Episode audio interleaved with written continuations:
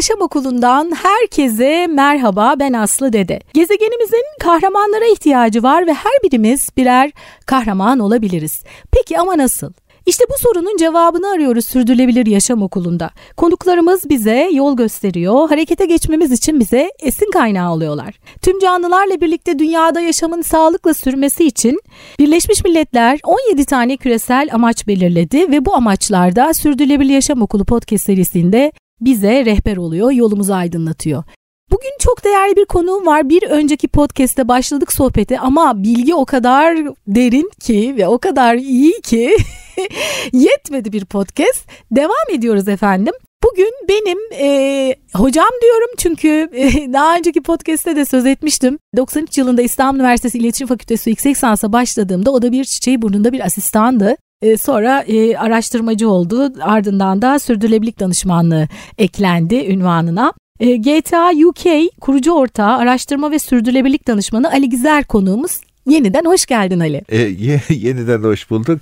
E, çene düşük olunca bir podcast'e sığdıramadın. evet. E, şey e, e, çok çok teşekkür ederim tekrar davet ettiğin Efendim, için. Efendim çok da tev- tevazu da yani gerçekten e, bu kadar bilgi e, ve bu bilgiler çok değerli. Aslında sen üniversitelerde anlatıyorsun, danışmanlık yapıyorsun, eğitimler veriyorsun. Ne güzel ne şanslılar ki bizim podcast dinleyicilerimiz de bunları böyle güzel güzel dinliyorlar. Hazır ederim. bulmuşken bırakır mıyım? teşekkür ederim. Çok naziksin. Çok teşekkür ederim. Evet. E, bir önceki podcast'te e, sürdürülebilirliğe genel bir giriş yaptık. Bugüne dünya nasıl geldi dedik. 17 tane küresel amacı anlattık. Şimdi de e, aslında biraz da iş dünyasına biraz daha girelim diyorum bu podcast'te. E, iş dünyası için sürdürülebilirlik sana göre ne ifade ediyor ve dünyada ve Türkiye'de iş dünyasının sürdürülebilirlik için attığı adımları nasıl değerlendiriyorsun? Aslında ne ifade ediyor ne ifade etmeli ondan bahsetmemiz gerekiyor.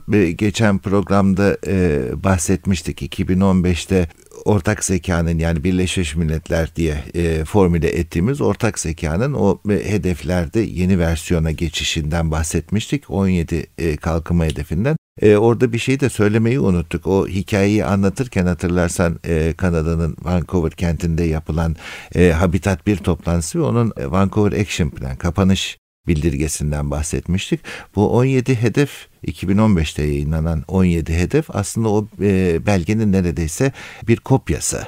Yani küresel ölçekte 76'da e, aslında belirlenmişti evet, bunlar. belirlediğimiz e, ge, yani gelecekte yani, ne yapmamız görülmüş. gerektiğini e, belirlemişken 50 yıl boşa bir tur attık açıkçası. Bol bol e, tükettik. Kesinlikle o işte he, büyüme hedefinin ne olacağını e, anlayamama, çözememe, e, bilgi yetersizliğinden kaynaklanıyor ama şu anda daha bilimsel e, zeminde her alanda e, tespitlerde bulunabiliyoruz. Bilim her zaman tabii ki şüpheci yaklaştığımız e, bilimin kendisi başta olmak üzere evrilebilir, değişebilir ama şu anda nüfusla ilgili projeksiyonumuz, gezegenle ilgili projeksiyonumuz, iklimle ilgili projeksiyonumuz bunlar çok daha rasyonel diyelim. Yani daha güçlü bilgilere sahibiz. Yani iklimle ilgili bir analiz yaptığımızda işte e, 60'lı yıllarda işte kutup çalışmaları imkanları yeterli değil e, veya indiğimiz metraj yeterli değil. Teknoloji o, de tabii, tabii bu arada tabii. gelişti. Yani e, şu anda biz yaklaşık o zamanlar neden bahsediyorduk? E, iklim değişikliğine vesika olarak işte tutulmuş eski Londra'da, Berlin'de işte İstanbul'da tutulmuş kayıtlardan Torricelli'nin e, termometresiyle tutulmuş kayıtlardan hareketle söylüyorduk. Tabii ki bu değişiklik için çok yeterli bir belge değil ama şu anda e, yaklaşık 500 bin sene öncesinin e, yazının kaç derece olduğunu biliyoruz. Nereden? Kutup araştırmaları. Türkiye'nin de neyse ki bu yönde araştırmaları var. Ekonomide de hakeza, sosyal alanda da hakeza daha e, rasyonel ayakları yere basan e, çalışmalarımız var. Şimdi bu çalışmalardan hareketle 2015 yılında zaten e, artık daha rasyonel bir ekonomi anlayışına, sosyal anlayışına, e, bir gezegen ilişkisi anlayışına ge- geçilmesi gerektiği resmedildi. Bununla ilgili yol haritası da verildi. SDG kompasın içerisinde yer alıyor.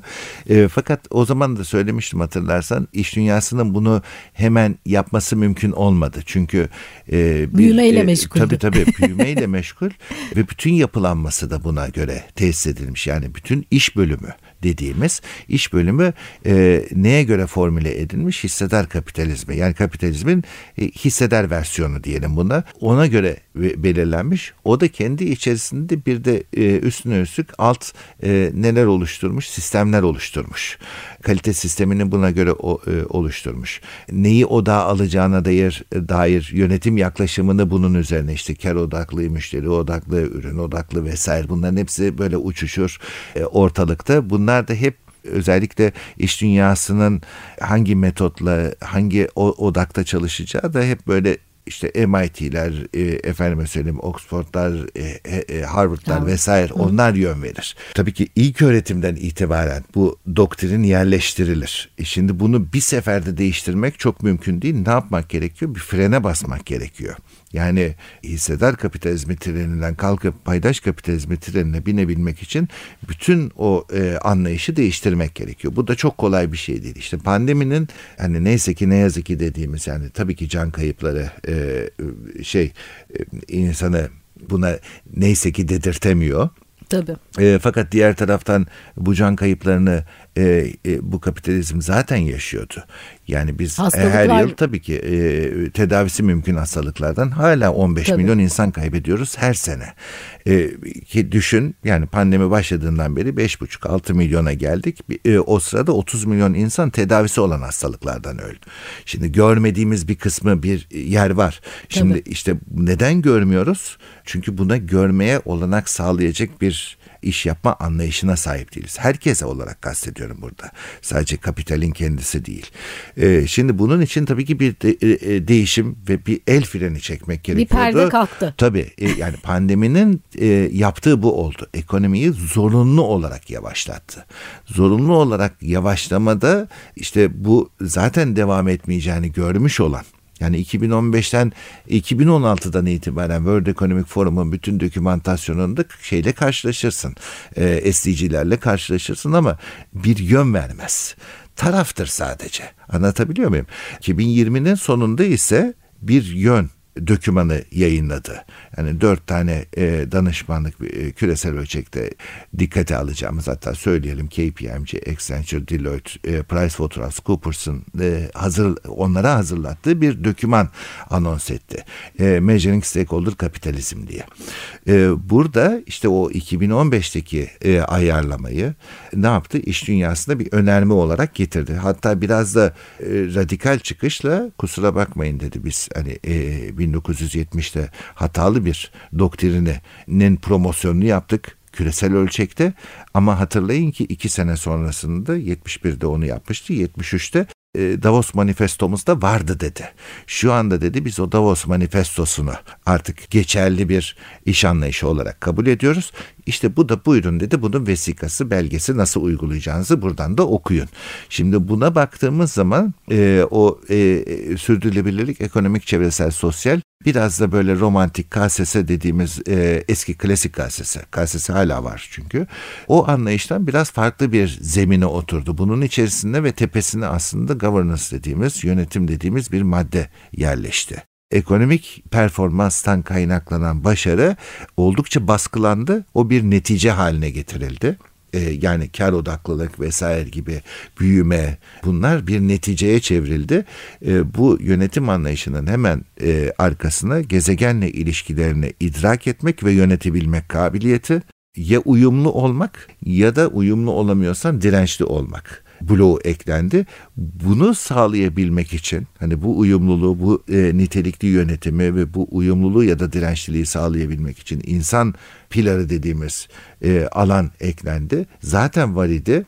Fakat bu biraz da çeşitliliği anla, çeşitliliği kapsa, bu kapsayı e, kapsamadan hareketle de eşitlikçi bir ortam yarat nesnel zeminde. E, çünkü neden? E, hedefleri anlatmıştık ki herkesin e, meselenin çözümünde taraf olması gerekiyor ve katkı veren olması gerekiyor. O eşitlik işte aslında o. Sonra bunu son derece sağlıklı bir şekilde yaşanabileceği bir ekonomik alan inşa et. Hep aklımıza ofisler, bürolar, bunun ergonomiler vesaire iş sağlığıyla sınırlı olarak düşeriz. Aslında bir ekonomik alan inşasından bahsediyoruz. Bu alanı inşa et ve bu alanın içerisinde de tüm paydaşlarını ama tedarik ama müşteri onları da bu alanın içerisinde düşün. Kuşlar, son, böcekler, doğa, e, bitkiler tabii ki, tabii, onlar da he, dahil. Hepsi hepsi. E, son tahlilde de prosperity diye kodlanan işte toplum refah meselesini de idrak et. Bunu idrak ederken de en eskiden e, kalan bir iki husus burada e, o göstergeyi burada görürüz. Dolaylı, dolaysız ekonomik etkiler falan bunlar e, o vergilendirmeler vesaire bunun içerisinde yer alır ama burada en kritik olan aslında bu toplumsal faydanı e, veya işte e, klasik manada ya da yeni anlamdaki KSS e, meseleni burada e, nesnelleştir, somutlaştır ve rasyonel bir zemine oturt ama çok daha önemlisi aslında sürdürülebilirliğin kapanış cümlesi arge ve inovasyon, yenilikçilik. Gelecekte en başta e, seni var eden e, amaç ve değeri gelecekte nasıl buluyorsun? Ne şekilde buluyorsun? İşte orada ürünleştirmeden uzaklaşıp ama gezegen için ama insanlık için e, var olma sebebine odaklan. Bu tabii ki sadece iş dünyasıyla da sınırlı tutulmaması lazım. Toplumun e, bunu anlamasından toplumun örgütlenmiş yapıları olarak sivil toplumun bu örgütlenmiş yapılarla toplumun refahı için ve aydınlığı için çalışmaktan mükellef olan vazifelendirilmiş kamunun anlamasından e, ve o e, bu e, anlama ortamında da ekonominin yeniden inşasından, tesisinden bahsediyoruz. Yani aslında biraz da burada e, tabii ki ideolojik nasıl desem ödünç almalar var. Yani üst yapının artık değişmesi ve üst yapının yeni altyapıya geçmemize olanak sağlayacak şekilde biçimlenmesi. Burada e, üst yapı bileşenleri artık o ayrı başka bir tartışma konusu değil. Açıp öğrenilebilir bilgiler bunlar. E, ne yapmaya çalışıyoruz? Aslında sürdürülebilirlik iletişimi ondan da bahsettin çok. E, sürdürülebilirlik iletişimini biz neden yapıyoruz? Üst yapı bileşenlerini değiştirmek için. Ekonomi zaten onun tezahürü. O zaten değişecek ama ekonomiden başlayan bir değişikliği başarıyla uygulayabileceğimizi zannetmiyoruz. O yüzden kamu, sivil toplum, örgütlü örgütsüz halleri ile ve insanın kendisinin değişimi e, ekonomik ama üretim ilişkileri üzerinden bakın ama e, başka ilişkiler sistematiği üzerinden bakın o kendiliğinden değişecektir diye yani, umuyoruz. E, yani sürdürülebilir yaşam kültürü oluşturmak diyoruz biz. Evet. Hatta senin de daha önce dinlediğim eğitimlerde de e, söylediğin işin mühendislik kısmı aslında bunun çok küçük bir kısmı. Kesinlikle. E, onu da belirtmek gerekiyor değil mi? Evet tabii ki yani bir e, yani sürdürülebilirliği böyle bir e, zihnimizde bir pasta grafik olarak canlandırırsak bunun yüzde beşi mühendislik.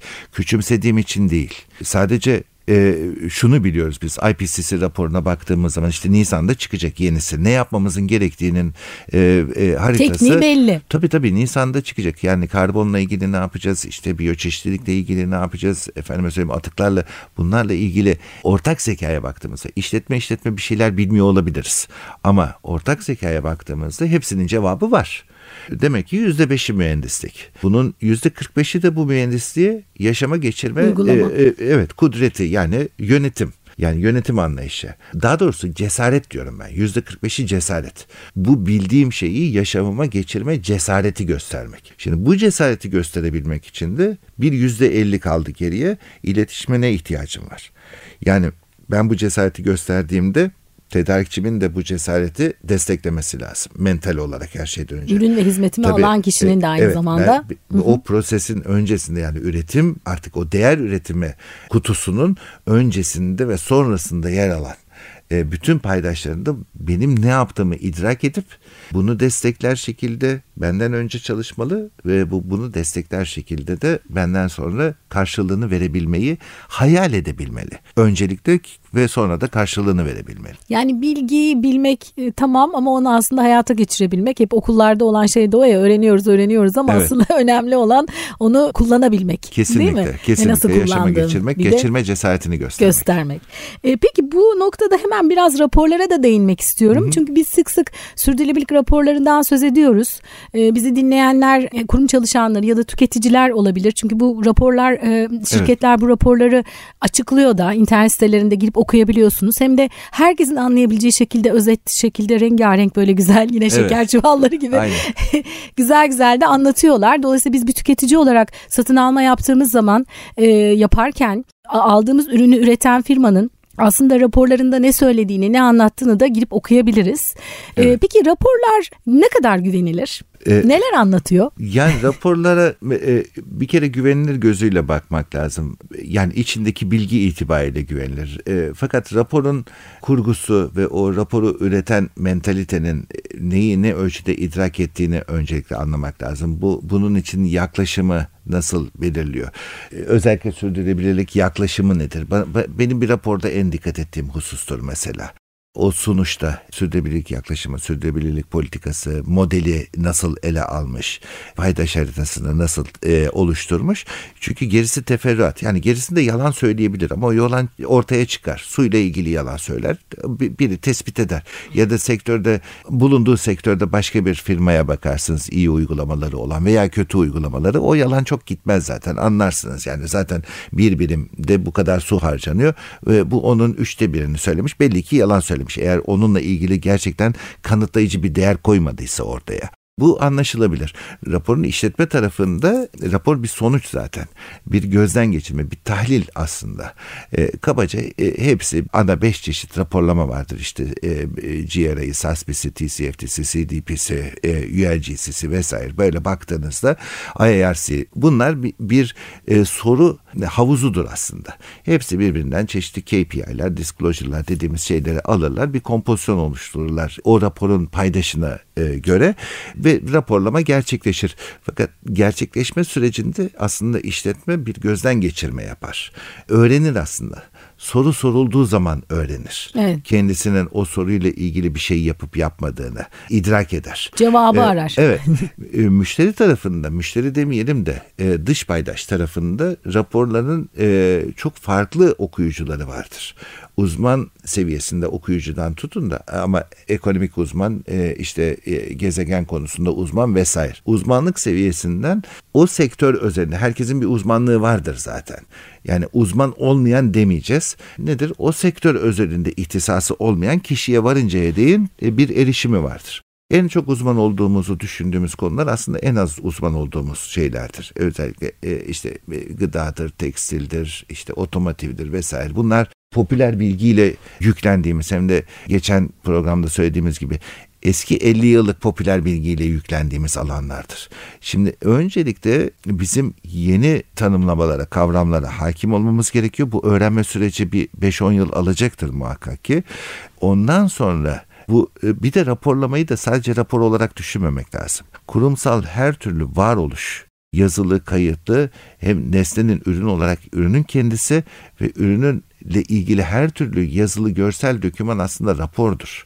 Yani bir kurumun raporu efendime söyleyeyim doğallık üzerine kurulmuşken raftan aldığınız ürünün yarısından fazlası emülgatör doluysa e, o zaman e, ya rapor yanlış ya etiket yanlış. O yüzden bütünsellik arz etmesi. Raporlama bir dışarıyla konuşma halidir. Bunu böyle anlamak lazım bir kere. Ama tabii ki ihtisas seviyesine göre seçtiğiniz dilde araç da değişir. Rapor biraz daha böyle e, meseleye sizin işletmenizin meselesine biraz daha rasyonel bilgiye sahip olduğunu varsaydığınız kitlelere yönelik bir iletişimdir. E, kıymetli bir şey. Her şeyden önce onu söyleyeyim ama e, böyle direkt bunlar yanlış raporlar demek çok kestirmeci yaklaşımlar muhakkak vardır ama münferittir. Peki yine e, ben e, dinlediğim sunumlarda kurumlara önerilerin vardı ve e, adım atmak için mevzuat beklemeyin sürdürülebilirlik bir samimiyet meselesi evet. deyip böyle hani çok basit adımlarla aslında başlayabilirsiniz demiştin. O da benim için çok değerli. Onu da bir tekrar dinleyelim. Evet. e, sürdürülebilirlik bir kere ontolojik bir mesele. Yani kurumun varoluşuyla ilgili. Ve öncelikle bunu kurumun anlaması gerekiyor. Ben neden sürdürülebilirlikle uğraşıyorum? Çünkü var olmak için uğraşıyorum. O e, herhangi bir şey beklemeyin meselesi de şu. Bizim böyle bir yeşil anlaşma mesela şu anda çok gündemdedir Green Deal böyle bir Magna Carta bekler gibi bir halimiz var. Tamam mı? bir gün gelecek işte yeşil anlaşma masamıza koyacaklar. Her biz şey de ona çözülecek. uyacağız. her şey de çözülecek. Şimdi bunu beklemeye gerek yok.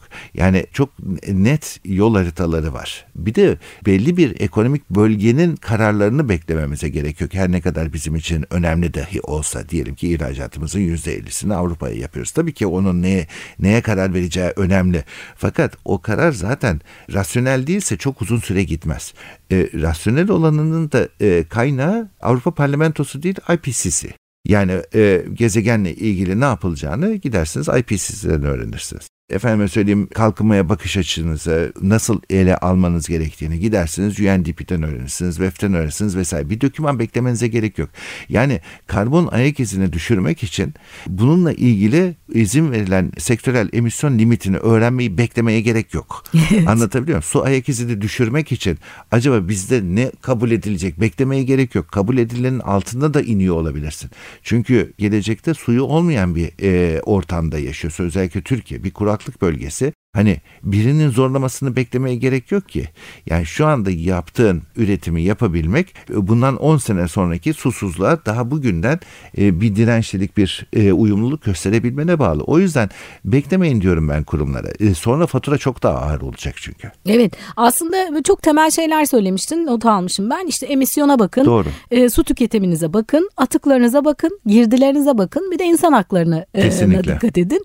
E, bunlar için de mevzuat beklemeye gerek Hiç yok. Gerek yok. Zaten hani kurumun eğer geleceği söz konusuysa öngörülü bakıldığında da zaten bunlar görülecek şeyler. Peki dünyanın geleceği için e, gündemimizde neler var? Yine benim not aldığım müşteri ilişkileri değişecek artık üretici ilişkiler olacak. Çok hoşuma gitmişti bu. Ondan da biraz bahsedelim mi? Yani B2C olmayacak artık. Her şey B2B demiştin. Evet. O da ilginçti benim için. E, kesinlikle. Şimdi bu bunları aslında biraz da vurgulamak için e, altını çiziyorum bunları. Yani to, bir, bir öğretinin 50 yıllık bir öğretinin tam tersini düşünebilmek. Tam tersine demeyeyim de kutunun dışını da değil. Hem dışını hem içini düşünebilmek. Biraz daha bilimsel temelli düşünebilmekten bahsediyorum. Kurumlarda bir e, müşteri ilişkileri departmanı vardır. Bu kapatılsın demiyorum zaten. Öyle bir e, şeyim yok, önermem yok. Müşteri her zaman olacak. Fakat bildiğimiz müşteri değil. Yani bir krallıktan bahsetmiyoruz artık. Bir sorumsuzluk alanı değildir müşteri olmak. Tüketici olmak bir sorumsuzluk alanı değildir. Ben bir kurumla ilişki kurarken Ali olarak e, bir üretim yapan bir insanım. Dolayısıyla kurumla kurduğum ilişkide benim gelecekte üretim yapma kabiliyetimi elimden alıp almayacağına bakıyorum. Tıpkı kendi işimi icra ederken, kendi üretimimi yaparken nasıl bir üretim paydaş listem var? Bir hizmetten faydalanıyor olduğum kuruma da o paydaşlarım gözüyle bakıyorum. Benim gelecekte üretebilmeme izin veriyor mu bu? Beni yok etmek temelli mi, beni yok saymak temelli bir hizmet anlayışı mı var? Ben hiç yokum onun kitabında. Ben sadece gelip ürünü alan giden insanım arıyor e, doğum günlerimde o bu. E, yani sen annem değilsin babam değilsin niye arıyorsun benim doğum günümde?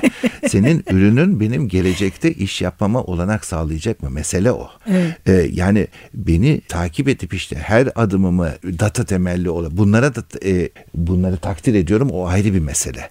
Anlatabiliyor muyum? Deneyimimi takip etmesi, ona uyumlu bir e, şey kısmına gelmesi ama deneyimimi takip ederken beni tüketici olarak takip etmeyecek. Üretici olarak takip edecek. Benim varoluşumu destekleyecek bir iş anlayışına sahip olmasından bahsediyorum. O yüzden diyorum ki müşteri ilişkileri departmanını kapatın.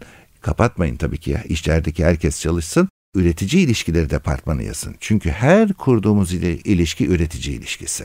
Evet. Ee, onu vurgulamaya Zaten yeni jenerasyonda buna bakacak satın alma kararlarını Kesinlikle. verirken. Onlar e, bizler gibi olmayacak. Yani o bilinçteler zaten. Öyle bir e, kuşak var şu anda Tabii geliyor. varoluşsal ilişkiler departmanı yani. Ben var olacağım sen de var olacaksın. Bu da güzel isim. Ee, evet tabii ki sen benim varoluşumu mu engelleyip engellemediğini etüt etmelisin ve benim varoluşuma katkı sağladığını bana gösterebilmelisin, tescil edebilmelisin. Ki ben seninle e, hizmet ilişkimi devam ettireyim veya ürün ilişkimi. Çok güzel. Şimdi yine bir podcast'in sonuna doğru geliyoruz. Ee, ne güzel oldu. Dolu dolu iki tane podcast konuştuk ve aslında daha konuşsak birçok şey var. Ama hani e, özellikle bizim bütün podcast'lerde tabii çok değerli bilgiler var. Ama sürdürülebilir konusunu biraz e, merak eden, hiçbir bilgisi olmayan e, ya da biraz bilgisi olan ama da geliştirmek isteyen kişiler bu podcast'i ve bundan bir önceki podcast'i dinlediklerinde şöyle bir bayağı bir vizyon oluşmuş olacak kafalarda.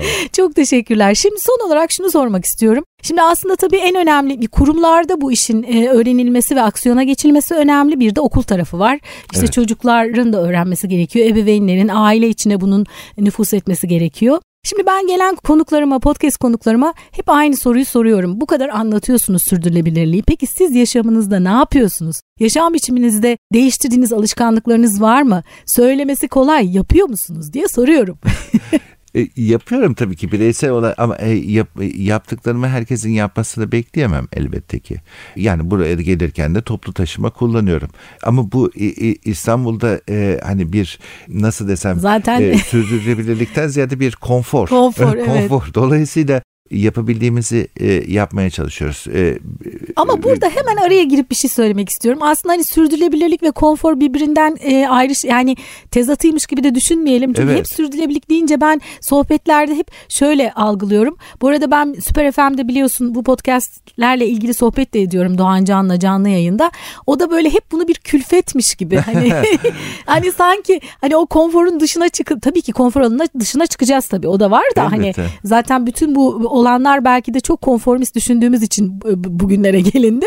Ama hani onu böyle şey algılansın da istemiyorum. Hani tatsız şeyler olarak da algılansın istemiyorum açıkçası. E, işte lezzetini bulmak lazım. Yani evet. e, en öz e, soruna aslında birinci cevap e, kendi şahsi cevabım şu. E, yaşam pratiğimde elbette ki bir takım değişiklikler oluyor doğru ama aslında neyi neden yaptığımı anlamaya çalışıyorum. Bu bu bir kere bir büyük bir keyif. Hı hı. Yani e, işte diyelim ki plastik kullanmıyorum bundan sonra dedim.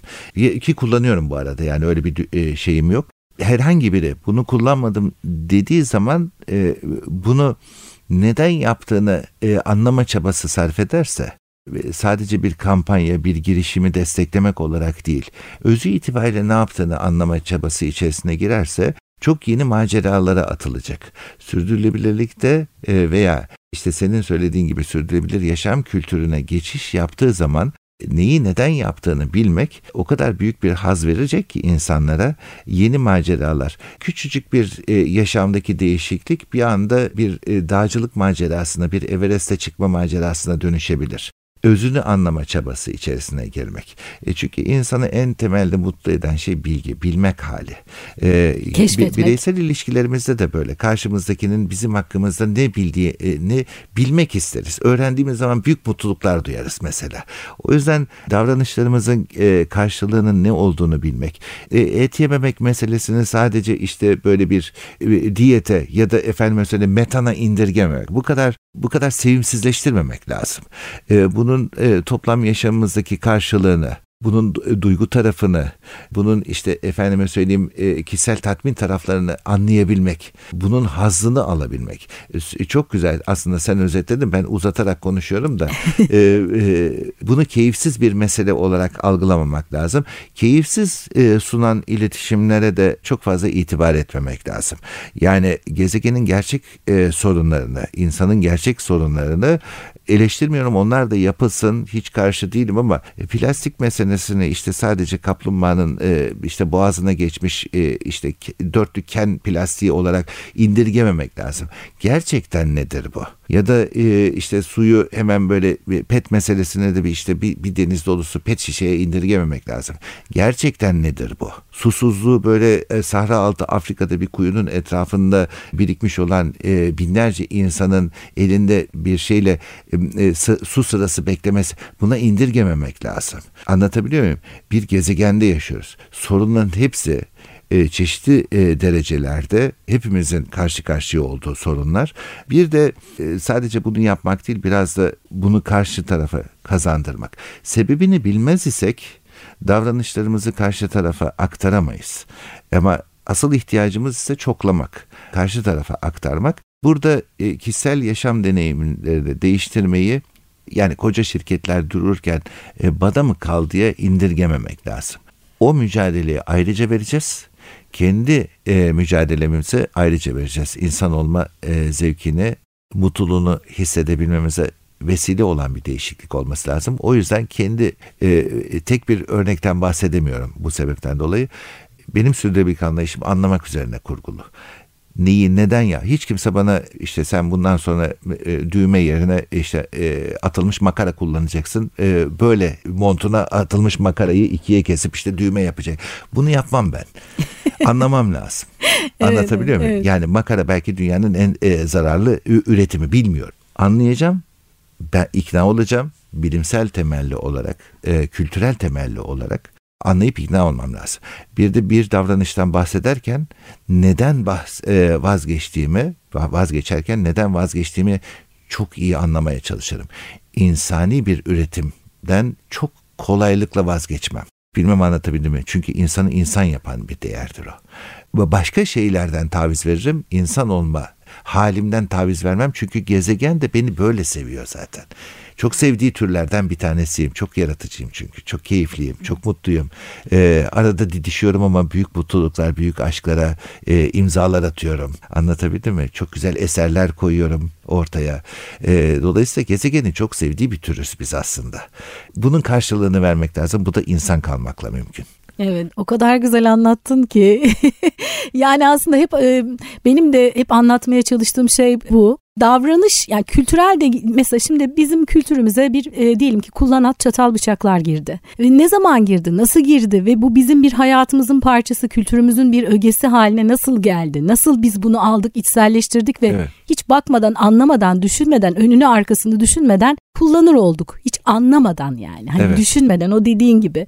E, eskiden pikniğe gittiğimiz zaman evde kendi çatallarımız, bıçaklarımızı götürürdük ve getirirdik ve yıkardık, yeniden kullanırdık. Bu nasıl hayatımıza girdi ve gerçekten ihtiyacımız mıydı? Ee, önünde ne, ne, ne var, arkasında ne var? Bunu çıkarırsam eğer ne olacak? Yani aslında hep bu bakışla düşünerek o kültürü yeniden başka bir kültüre dönüştürmek. Evet. Değil mi mesele bir o? Bir de neyi değiştireceğimize karar vermek lazım. İletişim yani e, ikimiz de iletişimciyiz sonuçta. E, ihtisasımız bu. Ama söylediğin örnekte mesela nesnenin isimlendirmesinde hata var. Mesela kullan at. E, şimdi bazı işletmelere gidiyorum mesela. Toplantı odasına giriyoruz. Bir bakıyorum böyle işte cam şişeler konulmuş. İşte pet şişe yok. Hiç su, pet yok. E, e, soruyorum diyorum ki işte ne kadar güzel. İşte cam şişeler koymuşsunuz. Sular cam şişede vesaire. E, dedim diyorum neden yapıyorsunuz bunu? İşte diyorlar ki attığımız zaman işte e, dönüşüyor doğaya.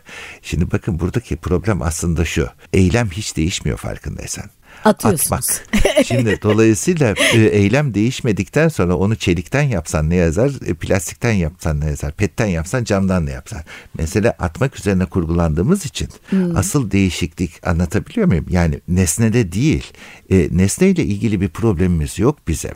Bizim pet diye bir problemimiz yok. Peti atmak diye bir problemimiz var. Davranış. Anlatabiliyor muyum? O, e, o ya da onu biz yani algı. bak dikkat edersen atma davranışından hiç taviz vermiyoruz. Attığımız şeyin doğada çözülür olmasından bahsediyoruz.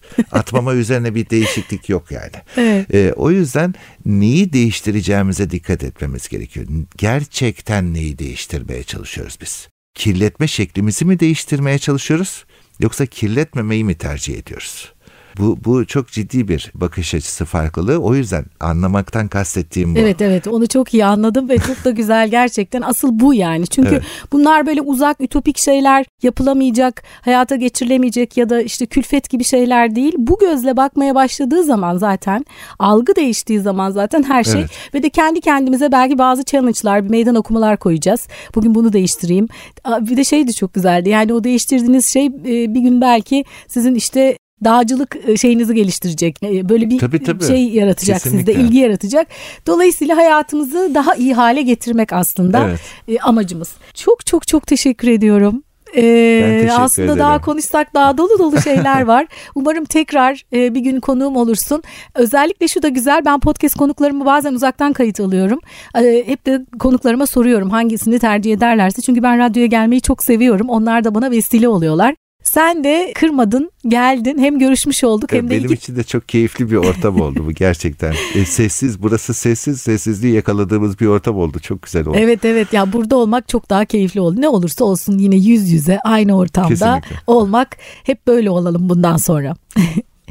Peki çok teşekkür ediyorum. Ben teşekkür ederim e, davetin için ve bu, bu keyifli sohbet için çok teşekkürler. Dinleyicilere de sabredip dinledikleri için çok teşekkür ediyorum. Sağ olun. Ağzına sağlık, Sağ olun. nefesine sağlık, emeğine sağlık. Bir bölümün daha sonuna geldik. Bize nasıl ulaşabilirsiniz? Sosyal medyadan Sürdürülebilir Yaşam Okulu yazarak ya da sürdürülebiliryaşamokulu.com adresinden bize ulaşmanız mümkün. Ben Aslı Dede bir sonraki bölümde buluşmak üzere demeden önce her zaman söylediğim gibi başta ne söylemiştik? Tüm canlılarla birlikte dünyada yaşamın sağlıkla sürmesi için gezegenimizin kahramanlara ihtiyacı var ve o kahraman sen olabilirsin. Harekete geç.